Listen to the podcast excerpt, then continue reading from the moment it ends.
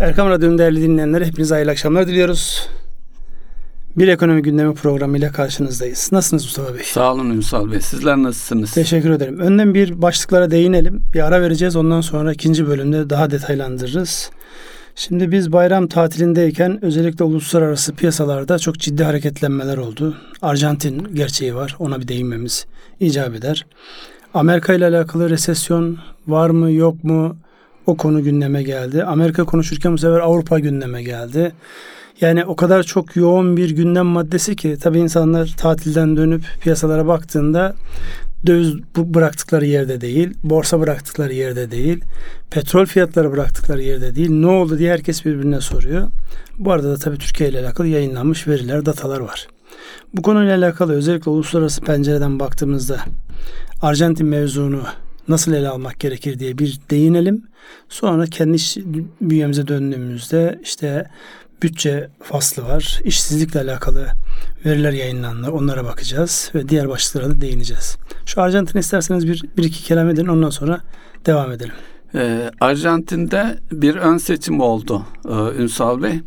Ee, onların kendi sistemi önce bir ön seçim yapıyorlar ve e, o ön seçim e, neticesi de Ekim'de yapılacak seçimin ne şekilde sonuçlanacağının e, bir e, ipuçlarını veriyor. E, bu ön seçimde muhalefet e, kazandı seçimi yüzde 47'lik bir farkla e, biliyorsunuz e, Arjantin son dönemde ekonomik olarak sıkıntılar içerisinde olan bir ülkeydi. IMF'den 50 küsur evet. milyar dolarlık bir destek almıştı. Dolayısıyla IMF bu verdiği e, dolarlar e, destekle ilgili bir plan sundu. Dolayısıyla o plan çerçevesinde devam ediyor idi. Şimdi muhalefetin, peronist bir hareketin temsilcileri olan muhalefetin iktidara gelecek olması tüm dünyadaki IMF dahil finansörlerin e, kimyasını bozdu tabiri caizse. Ayarını kaçırdı diyorsunuz evet.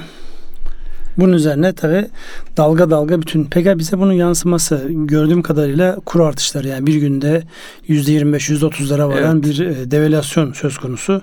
Bunun diğer gelişmekte olan piyasalara yansıması nasıl olmuş etkilendi mi? Şimdi tabii e, dünyada şöyle bakılıyor. E, birbirine benzer ülkeler kategorize edilerek bakılıyor. Dolayısıyla gelişmekte olan bir ülkede bir sıkıntı yaşandıysa bundan aynı kategoridedir diye diğer ülkelere de bunun dalga dalga yansıması e, oluyor sistem dünyadaki sistem şimdi böyle işliyor. Yani Nasrettin Hoca'nın Halep'te ısırıldığı köpeği gelip Akşehir'de tekmelemesi gibi bir şey evet. diyorsunuz. Ee, Sivrihisar burada, ve Akşehir. Evet Sivrihisar ve Akşehir. Şimdi burada baktığımızda yani Arjantin'de yaşanan hadise ki dengeler oturmamıştı. Hatta ben e, hafta sonu şöyle bir hafta sonu dediğime bakmayın tatilde. Yani bize göre bize evet. göre bayram tatilinde şöyle haberlere bakıyordum. Venezuela'da sokaklarda paralar var. Kimse dönüp almıyor. O kadar değersiz yani. Çok dürüst insanlar evet bir bakış açısı da öyle çok dürüst insanlar. ihtiyaçları var ama dönüp sokaklarda saçılmış paralara bile bakmıyorlar. Dolayısıyla paranın daha doğrusu paranın arkasındaki gücün temsilinde bir zayıflama varsa bu her tarafa yansıyor. Ekonomiye de yansıyor, duruşlara da yansıyor. Ki Arjantin baktığınızda yani bizimle zaman zaman böyle garip karşılaştırmalar yapılan bir ülkeydi. Elhamdülillah yani öyle bir benzerliğimiz falan yok ama yani bir dönemde hatırlarsanız e, net gelir elde eden yani devlet iş borçlanma kağıtlarında net gelir e, sağlama noktasında Arjantin bir numaraydı biz iki numaradaydık. Evet. Enflasyondaki hızlı tırmanışlar ve özellikle onlara verecek tepkiler noktasında ama şu an bakıyoruz ki IMF IMF diye dayattıkları yapıya rağmen siyaseten farklı bir gelişme bütün dengeleri, bütün beklentileri allak bullak edebiliyor. Peki burada şey anlayamadım ben. Yani gelişmekte olan piyasalar tamam bu. Gelişmiş piyasalar niye bu kadar sarsıldı? Şimdi gelişmiş piyasalar bitmeyen bir Çin Amerika ticari savaşı var. Amerika işi biraz e, tepkileri tolere etme adına sulandırmaya bu, çalışıyor. Bu e, aralığa erteledi yüzde onluk vergi 300 milyar dolarlık e, ithalatla ilgili. Ama bunun karşılığında bu olumlu bir şeydi aslında. Çin dedi ki biz e, aralığı da kastederek mücadelemizi sürdüreceğiz dedi. Dolayısıyla bunun artık gelinen nokta itibariyle e, e, Trump ne derse, Çin ne derse desin artık etkilenmez hale geldi. Yani bir kanıksanma, bir inançsızlık dolayısıyla ne anlaştık dediklerine inanılıyor, ne problem devam ediyor dediklerine inanılıyor. Şu anda o noktada bu da enteresan bir durum. Yani, yani burada negatif satın alınmış durumda ve onun üzerinden tabii gidiyor. piyasa her halükarda negatif satın alıyor böyle bir durumda. Şimdi buradaki e, tabii özellikle e, Amerika'nın yapmış olduğu şeylerde vergi uygulayacağım deyip sonra onu ötelemiş olması aslında Amerikan politikalar açısından, strateji açısından e, başkanı da biraz böyle tiye alarak yapılan espriler var. İşte istemeyerek atmış olduğu tweetlerin sonucunda ülke şu an kendine nasıl bir yol çizeceğini bulamıyor şeklinde yorumlar var. Tabii bu işin e, mizah tarafı. Biz o tarafla çok fazla ilgilenmeyelim. Ama söylenen her sözün bir şekilde karşılık bulduğu, özellikle piyasalarda karşılık bulduğu da bir gerçek. Bizim gerçeğimizde kurlar nispeten sakin bir döneme girdi. Türkiye'nin üzerinde özellikle dışarıyla olan ilişkimizden dolayı olabilecek kısa vadeli baskılar bir nebze büyük ölçüde azalmış oldu. S-400 yok. Artık e, F-35'i tartışmıyoruz şu an. Niye tartışmıyoruz onu da bilmiyorum ama tartışmıyoruz. Gündemden çıktı. Bir e, Fırat'ın doğusu batısı konusundaki çalışmalarda sanki Amerika ile birlikte hareket edecekmişiz gibi bir görüntü var. Şu an heyetler geliyor ziyaret ediyor gidiyor. Yani orasında da bir böyle bir görüşme sürüyor en azından. Bir yani. sükunet var. Dolayısıyla bunların hepsini yan yana koyduğumuzda değerlendirdiğimizde e, dövizin e, Türk lirası karşısındaki doların Türk lirası karşısındaki artışını sağlayacak dışsal gerekçeler ortadan büyük ölçüde kalkmış durumda.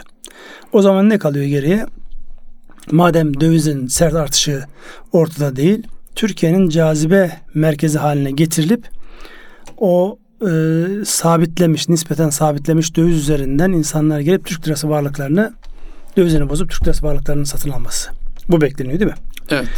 Bu arada isterseniz bir e, yani ara vermek üzereyiz. Bir, bir iki kelam daha edelim bu konuda. Sonra ara verelim. Döndüğümüzde diğer başlıklarımıza değinelim. Var mı ilave edeceğiniz bu kapsamda?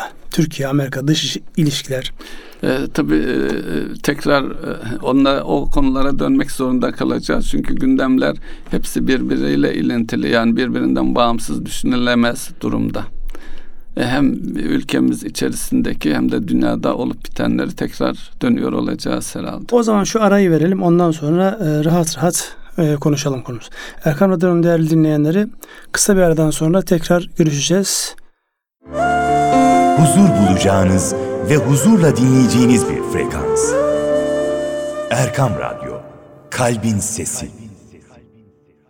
Erkam Radyo'nun değerli dinleyenleri Ekonomi Gündemi programına kaldığımız yerden devam ediyoruz. Ee, ilk girizgahta özellikle Arjantin başta olmak üzere bizim tatilde olduğumuz e, dönemde dış dünyada yaşanan ekonomik olaylara biraz değinmeye çalıştık. Kısa bir başlık oldu. Ondan sonra bunun e, yine Amerika-Çin ekonomi ticaret savaşları üzerinden e, bize nasıl yansıyacağı noktasında bir görüntü var. Şimdi burada Amerika'nın özellikle resesyon belirtisi yani hazine bonosunun faizlerinin üzerinden bakılarak Amerika acaba bir resesyona mı giriyor şeklindeki bir iddia önemli bir iddia ve bu iddiada bulunan da bir önceki Fed Başkanı Yellen. Yani zaten göstergeler o şekildeydi. Yellen da burada bir resesyon olabilir gibi bir ifade kullanınca piyasa buraya e, pür dikkat kesildi. Şimdi normalde baktığımızda Amerika'dan gelen ekonomik datalar çok negatif değil.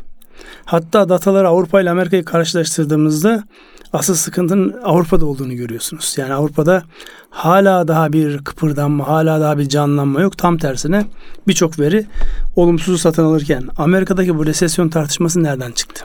Şimdi e, daha önceki krizlere bakıyorlar. En son 2007-2008'deki krizde Amerikan hazine bonolarından 10 yıllık hazine bonosunun getirisi 2 yıllık hazine bonolarının getirisinin altına düşmüş.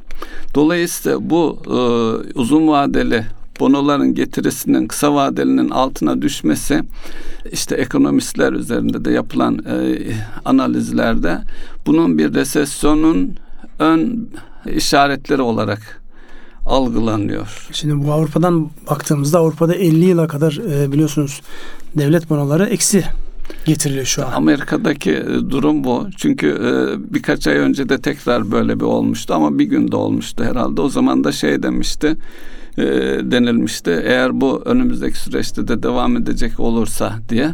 Ama zaten şu anda Trump'ın uygulamaya çalıştığı politikalar şu anda ekonomi zirvede. Dolayısıyla bu zirveden doğal olarak bir iniş olacak.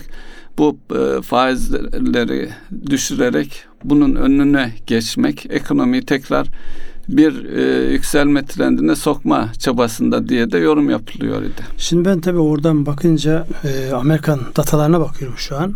Gayri safi yurt içi hasıla büyüme oranı 2019'un iki çeyreğinin sonunda 2.1, yüzde 2.1. Amerikan ekonomisi için çok büyük bir oran bunlar. Yani 20 Evet. trilyon dolarlık büyüklüğü düşündüğümüzde işsizlik oranı 3.7, Hele Enflasyon- kaç yılın 40-50 yılın en düşük Tabii. seviyesi. enflasyon 1.8. Uygulanan politika faizine 2.25. Bir önceki e, FED toplantısında biliyorsunuz 0.25 puan daha doğrusu 25 bas puan indirilmişti. İndirdiler. Şimdi buraya baktığımızda yani neresinden baksanız bu datalar eğer biraz makro e, rakamları yorumlama e, şeyi becerisinden baktığınızda burada bir şey yok Bir diyor. problem yok. Bir problem yok diyor. Yukarıya bakıyorum e, devlet tahvilinin 10 yıllık devlet tahvilinin borçlanma oranına 1.56. Enflasyon kaçtı? 1.80. Yani getiri Negatif. negatif. Yani Avrupa'da da getiri negatif. Orada da negatif. Dolayısıyla yani bu dünyanın başka yerlerinde yani bunlar sanki yani rakamları biraz böyle öne çekerek öngörülü biraz korku oluşturarak Hollywood filmleri gibi oldu biraz ama Evet. bir korku oluşturarak insanları belli noktada o kıpırdamayan enflasyonu kıpırdatacak, ekonomi biraz daha ivmelendirecek. Özellikle üretimi e, Çin'den, Hindistan'dan tekrar Amerika'ya taşıyabilecek adımların sanki altyapısını oluşturuyorlar gibi. Çünkü şu an baktığınızda bu verilerle yani Amerika'da yatırım yapmamak akıl dışı olur herhalde. Evet. Bu oranlarla baktığınızda. Bunu bir e, değerlendirelim isterseniz. Yani bu bize nasıl etki yapar Amerika'nın bu kadar canlı olması? Ee, enteresan bir şey daha e, dikkatimi çekti e, Ünsal Bey. Dünyadaki konteyner taşıması da bu e, resesyon beklentilerine rağmen son bir yıl içerisinde yüzde iki artmış. Çin'den olan Amerika'ya ticaret azalmış ama toplamda dünyada da böyle bir artış var. Bu da enteresan. Yani onun da herkes resesyon bekliyor ama göstergelerde böyle bir sonuç veriyor. Bunu da dahil ederek belki düşünmek lazım. Ama bu arada ben bir şey daha Amerika'nın tüketim ekonomisi olduğunu düşündüğümüzde bizde hani yüzde 55'ler 56'lar seviyesinde olduğu için çokça üzerinden yorum yaptığımız tüketici güven endeksi Amerika'da yüzde 98.4. Şimdi buradan baktığınızda Yani tüketiciler güveniyor. Kimse işsiz değil. Faiz oranları yatırım yapmayı teşvik ediyor. Enflasyon istedikleri seviyede değil. İnsanlar çünkü orada harcasak mı tasarruf mu etsek anlamında biraz ikilemde kalıyor. E, devletin borçlanma oranlarına baktığınızda enflasyonun altında. Dolayısıyla e, burada belki bir ihtimal ya devlete borç vermeyelim gidelim harcayalım biraz ekonomiyi canlandıran diyebilirler ama o çok böyle teşvik edici bir oran değil yani. 1.56 ile 1.80 arasında çok böyle belirgin insanların davranışlarını değiştirecek bir hadise yok. Dolayısıyla buradan baktığında çok enteresan bir şey ve bunların olduğu ortamda resesyondan bahsediliyor olması bizim oturup ciddi ciddi düşünüyor olmamız evet ne oluyor diye. E, tabii FED Başkanı da e, kabul etmiyor bir resesyon beklentisi olduğunu. Yani. Zaten buradaki bütün şeylerde hatta yorumcuların enteresan bir şey var. Fed'i masaya çekmek diye bir tabir kullanıyorlar. Yani Nasıl demek? bu e, şu e, Çin Amerika savaşı içerisinde atılması gereken adımlar var. Mesela faizleri biraz daha indirmek gerekir düşüncesi. Bu bizi de ilgilendiren bir mevzu. Çünkü bizim de yıl sonuna kadar 4 puan mı yani 400 bas puan mı 500 bas puan mı evet, inmesi bir bekleniyor. indirimden bahsediliyor. Onun da mesela göstergelerinde bu tip bir şey var. Yani siyaset bir anlamda bağımsız olduğu düşünülen ama daha çok rakamlara, datalara dayanan yapılara preslemede bulunuyor. Senin yüzünden ekonomi sıkıntıya girebilir. Ee, biraz daha elini açık tut, bonkör davran şeklinde. Biz de benzer bir şey yaşıyoruz aslında. Baktığımızda şu an 10 yıllık e, devlet tahvilinin oranı 14.89. Enflasyona baktığımızda 16.65 yani yıllık bazda söylüyorum. Bize de aslında 10 yıllık bazda baktığında biz de negatifteyiz. Pozitifte değiliz. Kısa vadeli biraz daha yukarıda çünkü kısa vadeli kaynaklarla bizdeki kaynağın yapısından dolayı oraya biraz daha ilgi alaka var. Yani buraya baktığımızda bizim açımızdan en tatsız gibi görünen şey enflasyon oranı bir kenara bırakırsak işsizlik 12.6. Evet. Onu da zaten datalar arasında evet, konuşacağız, görüşeceğiz herhalde. Evet burada e, yani bundan sonraki süreçte Amerika'dan faiz indirimi bekleyeceğiz.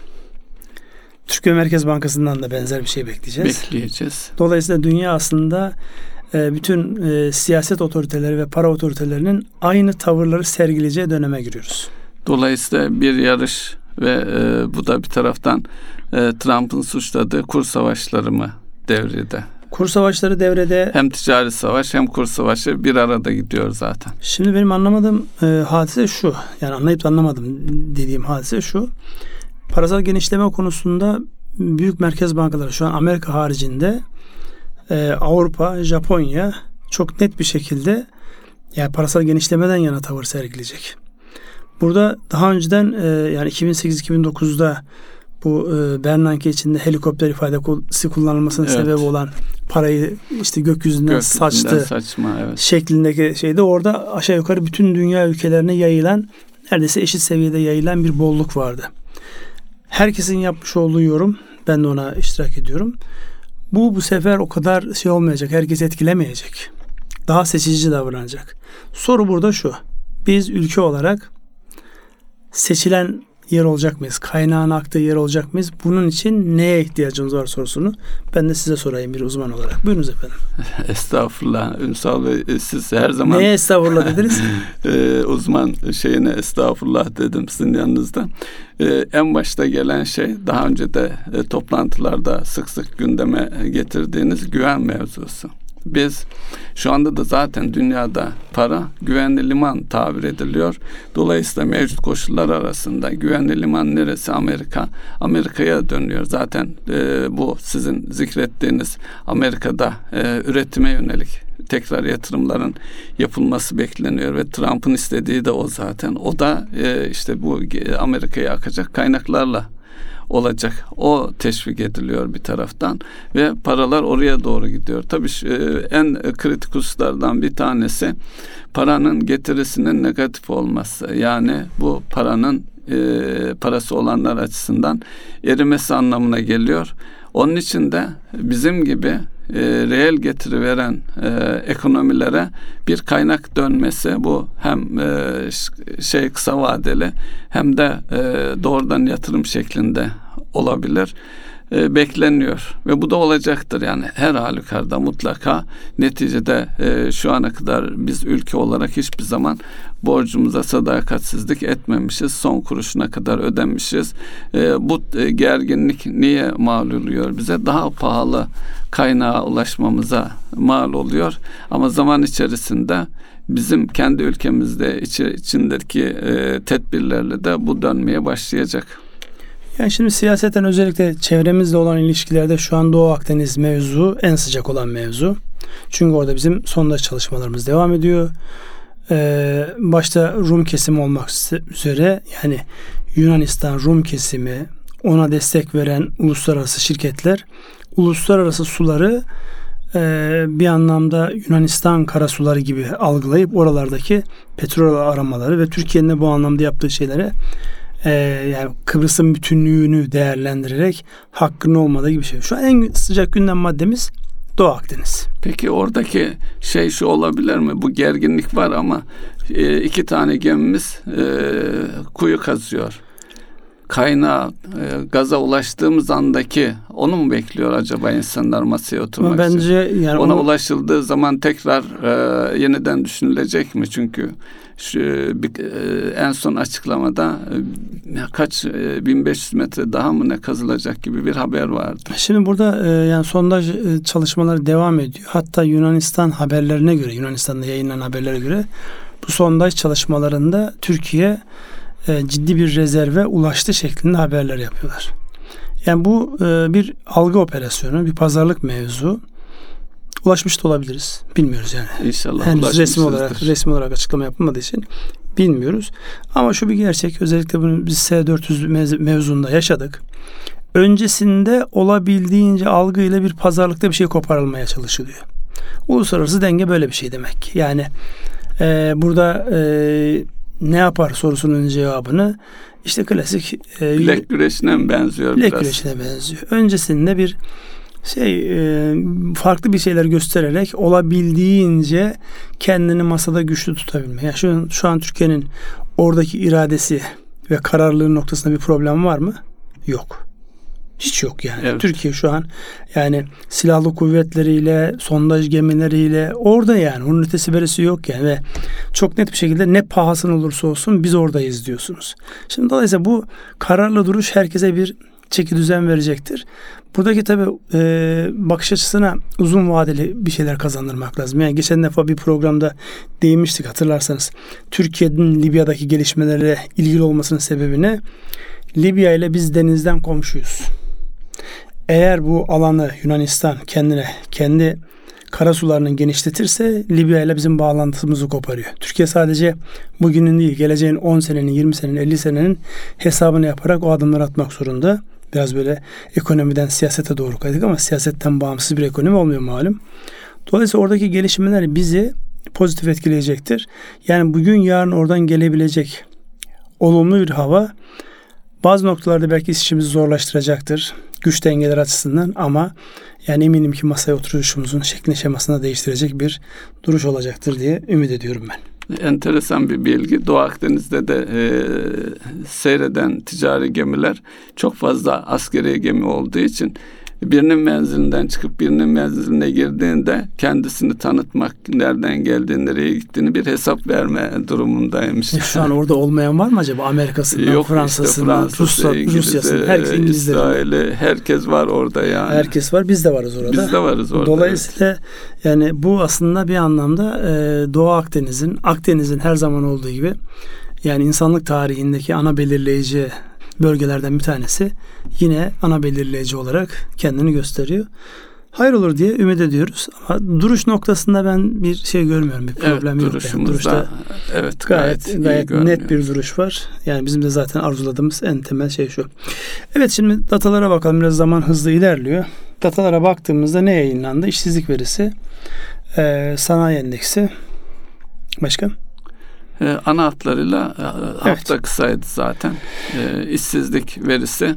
E, geçen yılın e, Mayıs ayına göre Mayıs ayı istatistiği yayınlandı. İşsizlik oranımız 12,8. Tabi bu işsizlik oranımız e, bir artışı geçen yılın aynı dönemine göre e, bir artışı ifade ediyor. E, detaylara baktığımız zaman e, istihdam rakamında da e, azalma var. 29 milyon 130 binlerden 28 milyon 260 binlere gerilemiş. E, dolayısıyla 800 bin civarında bir iş kaybı söz konusu. Yine enteresan olması açısından gençlere yönelik baktığımız zaman da e, geçen Mayıs ayında yani 2018'i kastediyorum. 17,8 olan e, 15-24 yaş arası gençlerin arasındaki işsizlik oranı 23.3'e çıkmış. Dolayısıyla şu andaki en büyük e, problemimiz işsizlik. Bu işsizliğin belki sanayi e, şeyini de konuşuyor olacağız. Onu da birlikte düşünecek olursak oradaki gerilemeyle birlikte işsizlik başımızı ağrıtmaya devam edecek e, özellikle ekonomimizin yatay seyrediyor olması e, inşallah e, üçüncü ve dördüncü çeyrekte tekrar hele hele dördüncü çeyrekte e, tekrar ekonomi büyüme seyrine girerse işsizlik ancak o şekilde zaten Türkiye'nin normal nüfus artış hızıyla e, asgari büyümesi yanılmıyorsam yüzde üç müydü Ünsal Bey? Evet. Yani yüzde üç gibi bir rakam bizim e, yani bizim için iyi olacak rakam %3 ve üzeri. Üzeri. Şimdi burada baktığımızda e, işsizlikle alakalı en yüksek oranı 14.8 görmüşüz biz şu ana kadar. Geçen e, ayki yayınlanan rakamda 13, şu an 12.8 yani göreceli bir iyileşme olmakla beraber baktığımızda burada dikkat çeken iki tane başlık var. Bir tanesi sizin de dediğiniz gibi genç işsizlik oranı. Şimdi genç işsizlik oranı aslında bütün dünyada yani e, aslında bazı ülkelerle karşılaştırdığımızda biz e, hani o anlamda fevkalade iyiyiz. Bir İspanya ile, bir Yunanistan'la, bir Güney Afrika ile değerlendirdiğinizde yani oradaki işsizlik oranları, genç işsizlik oranı inanılmaz yukarıda. Ama şu da bir gerçek. Özellikle e, son bir yıldır geçen sene Ağustos'ta yaşadığımız o kur atağından sonra özel sektör yatırımlar konusunda çekingen davranıyor. Hatta yani bu tip böyle ani yükselişler finansal anlamdaki daralmalar, genişlemeler işletmelerin verimlilikle alakalı her şeyi gözden geçirdikleri dönemler haline giriyor. Ve ben e, bildiğim kadarıyla bütün işletmeler yani tanıdığım, bildiğim bütün işletmelerde bu verimlilik analizleri devam ediyor. Bilmiyorum sizin yani şu an danışmanlık yaptığınız firmalarda ne tip e, hareketler var ama herkes bütün e, yapmış olduğu iş kollarında işte sektörün cazibesi, iş gücünün, iş biriminin gücü belki bu matriksleri uygulayarak kendilerine yeniden bir konumlandırmaya giriyorlar ve bazı bölümlerde eleman e, kısıtlamasına gidiyor departmanları birleştiriyorlar. Dolayısıyla özel sektörün yeni yatırımında biraz çekingen davrandı. Bunda finansman e, yükünü de e, dikkat almak lazım. Bu finansman yüküyle kimse yatırım yapmak istemiyor. Öbür tarafta mevcut işlerin dönebilmesi için de verimlilik esasından bir daralmaya gidiyor. Şimdi kimse yeni henüz daha iş deneyim olmayan insanlar alıp bünyesinde onlara bir iş öğretme, onlara eğitme sürecine dikkat almıyor. Onun için özel sektörün böyle bir e, durumu var. Kamuya baktığımızda kamuya da işte bir yıl öncesinde başlayan bu yeni başkanlık yönetim sistemi, Cumhurbaşkanlığı yönetim sistemiyle beraber e, yeni oluşan teşkilatlanma var, yapılar var ve uzun zamandan beri özellikle bu kamuda çalışmak isteyen öğrencilerin çok yakından dikkatli izledikleri yani sınavlar evet genel KPSS sınavlar açılıyor ama detayında kurum sınavlarında nispeten biraz bir yavaşlık var. Dolayısıyla istihdam orada da çok fazla değil. Dolayısıyla iki tarafa baktığımız özel sektörde kamuda şu an genç istihdamında çok arzulu değil istekli değil. Bu da buraya yansıyor. E, bu istatistikte bir bilgi daha var Ünsal Bey şu dediğiniz şeye ekleme e, kabiliğinden. E, son bir yıl içerisinde e, kamu istihdamının ulaştığı seviye 4 milyon 570 bin. Hı hı. Ve buradaki büyüme de yüzde 10,6 yani yaklaşık kamuya 450 bin kişilik bir kadro e, tahsis edilmiş ve o kadrolar da dolmuş. Bu bilgiyi de paylaşmış olalım. E, benim aklıma şey geldi. Bayramda bir rapor paylaşmıştınız Ünsal Bey. Batı üniversitelerindeki bir öğrencinin ödev olarak hazırladığı bir firmanın işte e, şeyiyle stratejik e, gelişimine ilişkin bir rapor. Yani e, biz gençlerimizi üniversiteyi bitirdiğinde istihdam edilebilir bir seviyede mezun edebiliyor muyuz? Ne durumdayız? Hele hele e, üniversiteleri de birbirine rakip olarak görürsek hem kendi ülkemizdeki üniversiteler açısından hem batılı üniversiteler açısından e, nasıl bir yorum yaparsınız? Şimdi orada yapılacak yorum e, biraz negatif maalesef. Bizde hep söylenip ama bir türlü hayata geçmeyen üniversite iş dünyası entegrasyonu. Yani üniversite niçin var? İşin bir bilimsel çalışma tarafı var temel bilimler tarafı var. Öbür tarafta da ekonominin devamı için ihtiyaç duyulan insanların yetiştirilmesi kısmı var. Bizde yani bilimsel taraftaki e, skorlarımız belli. Yani dünyada e, bilimsel ürün üretebilmiş, çalışma üretebilmiş üniversite sayımız son derece sınırlı. O zaman geriye ne kalıyor? Üniversitelerimiz herhalde bir meslek edindirme yapıları haline dönüştü. Fakat oraya baktığımızda orada da çok böyle e, iç açıcı sonuçlar görmüyoruz. Yani çok az üniversitede hani o ifadeyi kullanmak ne kadar doğrudur bilmiyorum ama iş garantili eğitim verme mantığı var. Çünkü işin garanti olabilmesi için doğru yerlere yönelik eğitimler veriyor olmanız icap eder. Yani ekonominin neye ihtiyacı var? Ekonominin şuna ihtiyacı var. Mesela son dönemde ee, yine kamu bağlantılı olarak bir şey duyduk. Enerji Bakanlığı'nın yurt dışına 300'den fazla genç insanı gönderme noktasındaki almış olduğu bir karar ve uygulaması var. Niçin yapıyor bunu? Önümüzdeki dönemde nükleer enerji başta olmak üzere enerji alanında ihtiyaç duyulacak beyin takımını yetiştirmek için. Şimdi buna baktığımızda özel sektörde özellikle birlikte olduğumuz firmalardaki işletme sahipleriyle şunu yapmaya çalışıyoruz kaç yıllık bir e, vizyonumuz var, perspe- perspektifimiz var. Yani bu firma için kaç yılı planlayalım? 5 yıl mı, 10 yıl mı? Şimdi insanı düşünmeden o dönemde yetişmiş ya da o dönemde çalışacak, o dönemde yöneticilik, liderlik yapacak insanı düşünmeden bir vizyondan bahsedilebilir mi? Edilemez. Fakat şu an baktığınızda 10 sene, 15 sene, 20 sene sonra yönetici konumuna gelecek olan insanların bugünden istihdam edilmesi hele böyle az önce de söylediğimiz gibi tasarrufların çokça ön plana çıktığı dönemde gerçekten birbiriyle çelişen bir durum. Ve maalesef biz üniversitelerimizde öğrencilerimizi iş dünyasına hazır hale getiremiyoruz. Sizinle paylaşmış olduğum o raporda hatırlarsanız iki tane üniversite öğrencisi piyasada hatırı sayılır bir firmanın gelecek 10 yıllık vizyonuyla alakalı. Küresel bir markanın. Küresel bir markanın 10 yıllık vizyonunu çizmiş ve o firmada yani kendi yapmış olduğu çalışmaları, kendi stratejik planlaması ile bu öğrencilerin yapmış olduğu çalışmanın çok örtüştüğünü hatta bazı noktalarda öğrencilerin yapmış olduğu çalışmanın daha da ön planda olduğunu gösterir bir e, sonuç var. Yani besleniyor iki taraf birbirinden. Öğrenci gerçek canlı bir örnek üzerinde çalışıyor. Veriler, Veriler gerçek ve gerçek, sağlam. Sağlam. Zaten e, işte bu büyük veri ya da big data dedikleri hadise böyle bir şey kim iyi işleyebiliyorsa, kim onun hakkını verebiliyorsa bundan sonraki süreç işte o yapay zekalar da bunun üzerinde çalışıyor. Her şey bunun üzerinde çalışıyor. Dolayısıyla orada onu görüyoruz. Yani bizim önümüzdeki dönemde yani birçok konuda oturup düşünmemiz gereken husus var. Bir tanesi de ülkenin ekonomisini işletmeden ihtiyaç duyduğu insan tipinin ta üniversite döneminde hazırlanarak gelmesini sağlayacak çalışmalar ihtiyaç var. O konuda yani dünya ile karşılaştığımızda maalesef çok parlak bir görüntümüz yok. Peki şimdi bizi dinleyen öğrenci kardeşlerimiz olduğunu düşünürsek özellikle üniversite öğrencileri onlara e, nasıl bir soru sorarsınız, ne mesaj verirsiniz demeyeceğim. Ya mesaj vermek haddimiz değil yani burada artık kimse herkes birbirine e, mesaj ve ayar vermeye çalıştığı için o o da zaten ters tepki yapıyor. Sadece söyleyeceğim şey şu.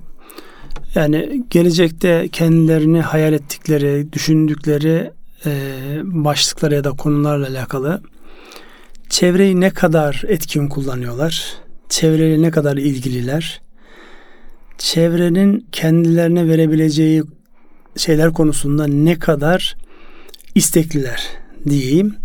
Çünkü ben hep şunu gördüm. Özellikle e, bir taraftan da biliyorsunuz bizim bir vakıf çalışmalarımız var. Üniversite öğrencileriyle mezunlarını bir araya getirip orada bir e, karşılıklı etkileşim, bir köprü görevi e, yapıyor vakıf çalışmaları. Orada mesela mezunları çok iyi özel sektörde ve kamuda çok iyi konumlara gelmiş insanları orada bulunuyor. Öğrenciler de orada. Öğrenciler biraz çekingen. Mezunlar ya da iş dünyasında önemli yerlere gelmiş olan insanlar daha çok kendi yaştaşlarıyla e, eski ya da yeni günlerin e, değerlendirmesini yapıyorlar. Mesela bazı öğrenciler cesaret edip kendileriyle alakalı, kendi gelecekleriyle alakalı doğrudan ilgilisine soru sorduklarında ben hep şunu gördüm. Herkes vermeye hazır. Herkes vermeye hazır olduğu bir ortamda almak isteğinden yani ana belirleyici olan o istek. Biraz istek noktasında isteksizlik var. Orayı bir çözebilirse gençler yani kimden ne isterlerse öncesinden hazırlanır. Bir de şu bir gerçek var. Bulunduğunuz ortamda işte 10 kişi varsa kim ilgiliyse, kim doğru soruları soruyorsa siz de elinizde ne varsa ona kanalize ediyorsunuz. Onun için istekli olmak önemli bir hadise. Gençlere söyleyeceğimiz tek bir şey var. Ne kadar istekli olduğunuzu kendiniz biliyor musunuz? Ve bunu karşı tarafa nasıl yansıtıyorsunuz diye soru dediniz. Ben de soru sormuş olayım. Ben de e, sizin sorunuzu biraz daha açıklığa kavuşturma adına çevrenize bakın dediniz ya. Evet. E, bir soruda çevrenizdeki e, çevrenizde kimler var? Sadece arkadaşlarınız mı var? Yoksa size destek olabilecek, ufuk açacak başka insanlar da var mı? Evet o da sorunun diğer e, evet. ucu. O olmazsa zaten ötekisi de olmayacaktır. Evet diğer e, özellikle bu sanayi üretimle alakalı konuyu isterseniz ele alın. Zamanımızı daha efektif değerlendirelim. Sanayi üretimi e, Haziran ayı endeksi yayınlandı. Yüzde 3,9'luk bir gerileme var. Şimdi Haziran ayını değerlendirirsek öncelikle isterseniz e, neler e, değişmiş diye bakalım. Hangi sektörler diye madencilik ve taşıracak e, işletmelerinde 4,8 pozitif. İmalat sanayinde ki imalat sanayi Türkiye'de büyük. Eksi 4,6 yine aramallarında eksi 8,1 dayanıklı tüketim mallarında yüzde 14,9'luk bir pozitif yönde dayanıksız tüketim malları eksi enerji 3,9 pozitif sermaye mallarında 5,8 negatif. Yine e, teknoloji açısından bakıldığında e, en dikkat çekici şey orta düşük teknolojide 9,8'lik, orta yüksek teknolojide 3,8, yüksek teknolojide 4,5'luk bir daralma var. Bunlar e, ana hatlarıyla dikkat çekici.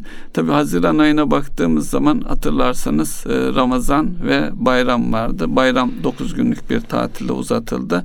Dolayısıyla sanayi üretimini e, olumsuz etkileyen bir uzun bir tatildi. Zaten e, eleştiriler gelmişti hatta bu bayram içinde. Bugün ve e, dün ve bugünü dahil ederek uzatılsın uzatılmasın e, tartışmaları yaşanmıştı. Orada da vurgulanmıştı. Bizim üretime çalışmaya ihtiyacımız var diye. Etkili olan şeylerden bir tanesi bu. Bir de seçimimiz vardı İstanbul seçimi. İstanbul seçimi de yine sadece İstanbul'la sınırlı kalmayıp tüm e, ülkeyi etkisi alınan, e, etkisi altına alınan bir belirsizliğe neden olmuştu diye e, yorum yapabiliriz. Siz neler Şimdi orada evet dediğiniz doğru yani bir seçim süreci vardı. İkincisi uzun bir bayram tatili vardı. Zaten şu anki bütün hazırlıklar hepimizin zihnen hazırladığı tahminim kamu da bu anlamda Eylül'den itibaren bütün yani yılın bütün telafisi Eylül'den itibaren yapılacak faaliyetlere endekslemiş durumda. Şu an ona uygun bir zemin var mı? Evet ona uygun bir zemin var. E, finansman maliyet oranları aşağı geliyor. Özellikle bu e, nasıl etki yapar diye hatta programda tartıştığımız kamu bankaları bağlantılı konut finansmanındaki deklar edilen oranla piyasaya nasıl yansıyor dediğimizde onu e, hatırlarsanız bayram e, şeyinde de değerlendirmiştik e, pozitif yansıyor.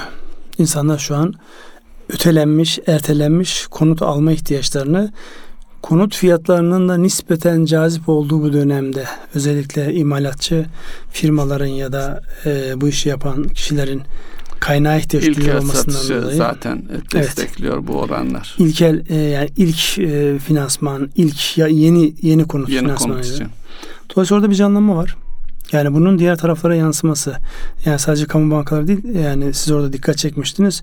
Özel sektör bankalarının da bu anlamda iştahlı olduğunu görüyoruz. Yani oralar aşama aşama her tarafa tetikleyecektir. Çünkü elinde birikmiş stok bulunan, e, gayrimenkul stok bulunan e, firmalar eğer satışlarını yapabilirlerse onların arkasındaki ki inşaat sektörü bizde önemli bir lokomotif sektör. Yine işsizlik her tarafa doğru, da önemli. Her tarafa doğru yansıyacaktır. Yeni imalata girilir mi sorusunun cevabı için henüz daha erken. Yani sattı hemen gidip yeni bir konut mu yapacak?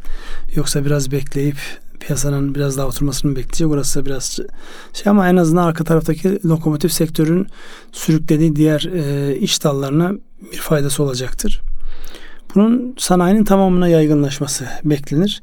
Ama e, bir gerçek var. İşte e, bu tatillerin uzun süren belirsizliklerin ve finansman oranlarının vermiş olduğu belirsizlikler ekonomide bir şekilde kendini gösteriyor. Evet. Burada ilave edeceğiniz başka bir şey var mı? Sanayi ile alakalı söyleme anlamında. Sanayi ile alakalı dediğiniz gibi Eylül'den itibaren üretimin artması bekleniyor. E, bu arada e, geçen e, ay sonu itibariyle e, bir takım e, KDV buna benzer e, teşvikler sonlandırıldı. E, mobilya sektöründen bir e, şey var. E, Temmuz ayında e, evliliklerin ön planda olduğu bir ay olmasına rağmen KDV etkisiyle yüzde 25 e, civarında satışların gerilediği yönünde. Tabi bunu tabi bu bilinen bir şeyde e, yani bir takım insanlar kendileri daha önceden o indirimi sona ereceğini düşünerek önceden e, satın almalarını gerçekleştirmiş olabilirler ama yüzde 25 büyük bir oran. Tabi burada ihracata yönelik çalışmalar da var ama e, ihracat bir günde hadi artık ihracata başlayalım deyince olacak bir şey değil. Onun olgunlaştırılması üzerinde hem iç e, dinamikler hem de e, dış pazarın ihtiyaçlarının doğru algılanması uzunca bir süreye mal oluyor. Burada az önce sanayiden bahsederken e, dikkatimi çeken bir endeks oldu. Araç üretiminde ciddi bir e, daralma var. Yani burada daha önceden de konuştuğumuz bir mevzuydu. Yani e, ticari ve binek araç satışlarında ciddi bir daralma var. İşletmelerin yine bu tasarruf etme isteğinden dolayı bu filo kiralamalar ve benzer hadiseler de bunu bir şekilde etkiliyor. Yani buralarda e, ciddi yani farklı göstergeler aynı şeyi söylüyor bize. Onun için Eylül ayı bu anlamda önemli bir başlık. Eylül ayındaki gelişmeleri pür dikkat izliyor olacağız burada görünüyor. Evet.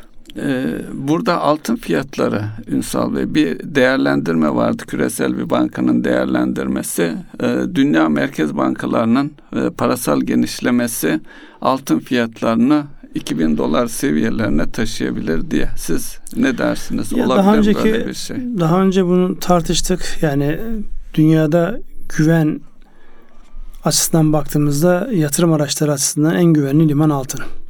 Ne zaman biraz ortalık bulansa e, altın olan ilgi alaka artıyor. Geçmişteki 1950 ya da 60 dolar gibi bir rakam hatırlıyorum şu an tam grafik gözümün önünde yok. E, o seviyeleri görür mü? Yani kısa vadede e, dünyanın gelmiş olduğu noktada bir 2008'deki gibi bir hava yok. O açıdan baktığımızda bana teknik olarak çok mümkün görünmemekle beraber ama şu anki seviyeleri de bundan bir sene önce ya da altı ay önce konuşsaydık yani altın buraya gelir mi sorusuna kuvvetle muhtemel hayır gelmez dediğimiz bir oran. Onun için yani benim beklentim yukarıda doğru gitmesi yönünde değil. Fakat e, dünyadaki yapılacak, gelişecek adımlar, atılacak adımlar bunu o tarafa getirir mi? O konuda da diyecek çok fazla bir şey yok. Biraz böyle e, çok net bir ifade kullanamamakla beraber herkesin zaten bu anlamda kafası karışık. Bir petrol fiyatlarında tahminde bulunamıyorsun. Şimdi petrol fiyatları 50 doların altına inerse ne olur sorusunun cevabı e, tartışıldığı bir ortamda altının da 1500 ve üzerindeki seyri e, tartışılıyor. Kim satın alacak bunu? Yani e, petrol ihraç eden ülkeler şu an ciddi anlamda zorlanır hale geldi. Altın rezervlerinin olabilmesi için bir yerlerde fazlalarının olması lazım. Bu konuda e, farklı dengeler var. O farklı dengeleri gözetecek, gözlemleyecek ve cevabının bulunacağı çok sayıda bilinmez var bu denklem içerisinde. Tabii bu e, altın fiyatının yükselmesi e, altın üretimlerindeki e, maliyetleri de etkileyeceği için yani daha önce verimli efekt bulunmayan madenlere tekrar ilgi artabilir. Ülkemizde de e, olabilir. Buna benzer e, yansımalar da var zaten. Ya, ee, artabilir değil. Bence orada arttı. Yani dünyada altın üretiminde önemli bir e, şey var. Teknolojik anlamda da baktığınızda farklı teknoloji kullanılıyor. Burada bir güç dengesiyle alakalı hadise var. Yani Türkiye'de de yaşanan hadise e, özellikle yani Almanların dünyada altın rezervlerini kontrol etme ve altın piyasasını dengede tutma noktasındaki önemli ağırlığı kendini her yerde gösteriyor. Yani burada e, şu an bu fiyatlar verimsiz gibi görünen madenlerin işletilerek üst seviyedeki fiyatlara gelmesini sağlayacak. Hatırlar mısınız gümüş fiyatları bir ara çok yukarıya çıktığında Türkiye'de de başta olmak üzere birçok yerde gümüş üretiminde inanılmaz bir artış olmuştu. 15 dolarlardan 45-48 dolarlara çıkıp oradan tekrar gerisin geri aynı noktalara gelmişti. İnşallah o üretimdeki artış yani aynı akıbeti getirmez. Yani inşallah derken burada madencilik çok maden, riskli bir sektör çok zaten. Riskli. Yani evet. çok riskli. Adı üzerinde yerin altından fışkırıyor. Yani çıktığı zaman da başka bir boyuta götürüyor işletmeler ve ülkeler. Evet. Ee, Ünsal Bey dikkatimi çeken bir Moody's'den bir açıklama var. Ee, biliyorsunuz biz e, faizsiz bankacılık, katılım bankacılığı üzerinde çalıştık. Şeyde bağımsız devletler topluluğunda e, e, İslami bankacılığın e, yükseleceğine ilişkin bir rapor e, Tacikistan, Kırgızistan, Kazakistan, Özbekistan başta olmak üzere. Daha önce buralarda da bu yönde yaptığınız çalışmaları biliyorum. Profesyonel yaşamınızda ne dersiniz? Ya şimdi Bize e, ülke içindeki fırsatları da de- değerlendirirseniz. Ya şimdi yıllardır e, biz Türkiye'de e, İslami finans ya da faizsiz finansman modelinin neyini tartışıyoruz? Yüzde beşin, yüzde altının üzerine çıkamıyoruz. Şimdi Müslüman bir ülkede eğer modeliniz yüzde beş, yüzde altının üzerine çıkmıyorsa evet bu yaygınlaşabilir. Dünyanın her yerine de örnekleri çıkabilir. Ama öncelikli olarak mesela bizim e, yani eski Sovyet topluluklarının yeni işte Birleşik Devletler topluluğundaki bu artışdan önce Türkiye gibi bu anlamda duruşu belli olan hem yetişmiş insan hem de teknolojik altyapı açısından da dünyanın en iyi e, İslami bankacılık uygulamaları Türkiye'de var. Ya hep Malezya Malezya örneği var ama Malezya'da örneğinde biliyorsunuz nispeten bize göre daha böyle large bir şeyleri var. Uygulama tarzları var. Dolayısıyla bu açıdan baktığınızda %5, %6'nın üzerine çıkamadığınız yerde bunun sebebi ne diye baktığımızda bunun en temel sebebi buraya bağlanacak olan sermaye noktasında ki isteksizlik. Ya son dönemdeki büyüme kamunun vermiş olduğu destekle oldu. Yani sektörden çekilen bankalar onların yerine kamu e, işte üç tane bankayı koyarak bir şekilde bir pozisyonlanmaya girdi. Ama hala oran yüzde beşlerde altılarda.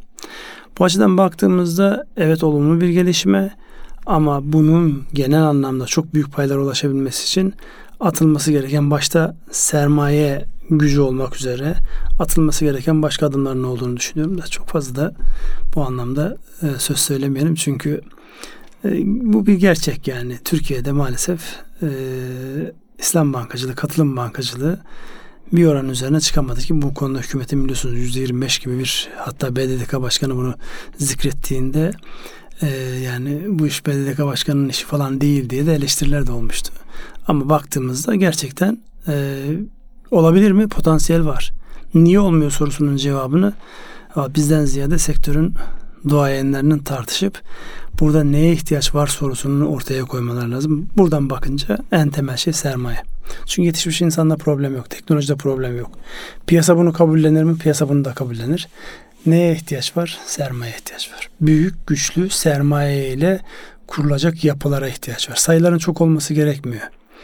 Bir tane, iki tane çok büyük e, sermayesi, kuvvetli sermayesi olan uluslararası network'e hitap edebilecek dünyanın dört bir yanında işte Tacikistan'da olsun bunun içerisinde, Özbekistan'da olsun, öbür tarafta Afrika'daki bu anlamda buna tepki verebilecek her yerler olsun. Ama güçlü bir sermaye ihtiyaç var.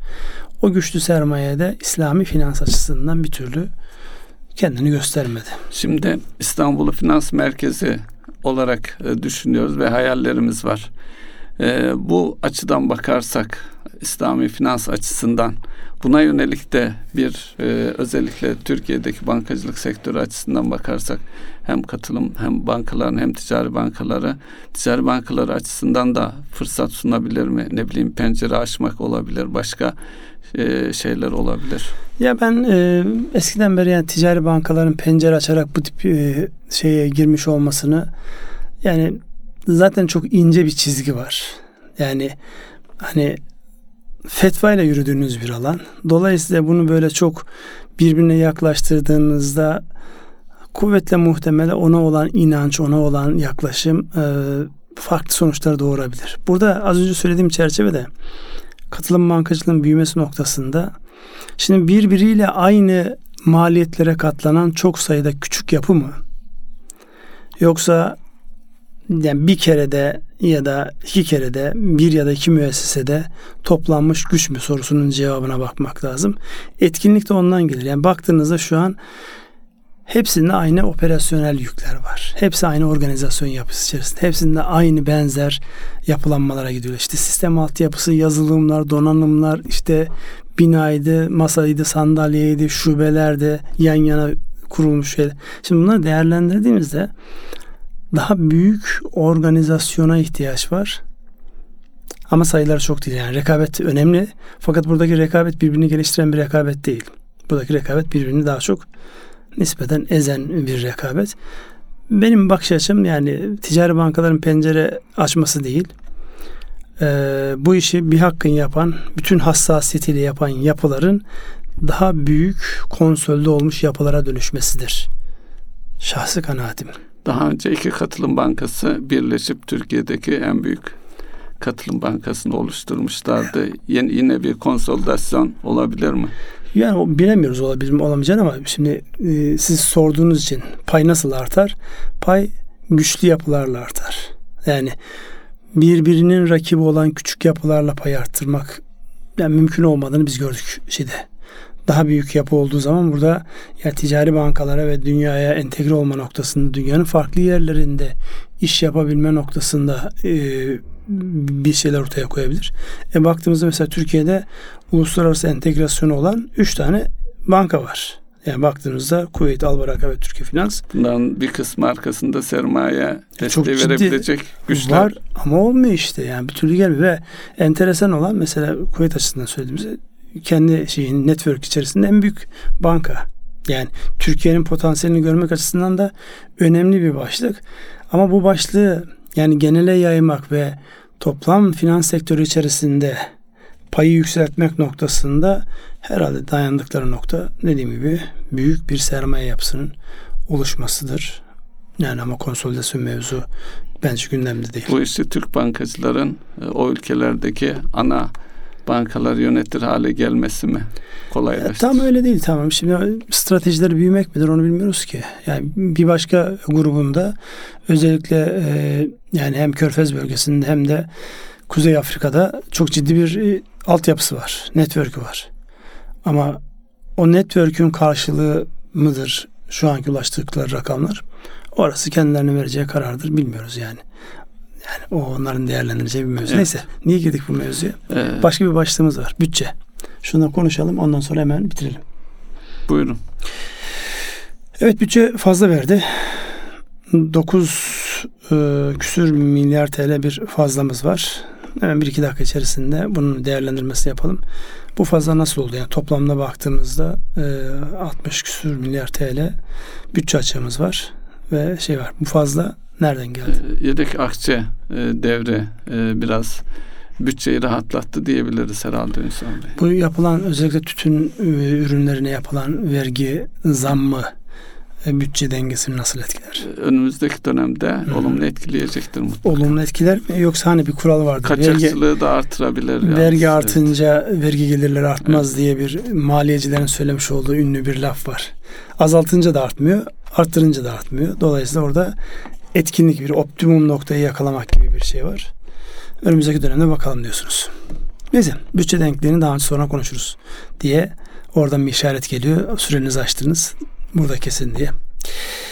Evet Erkam Radyo'nun değerli dinleyenleri bir ekonomi gündem programının daha sonuna geldik.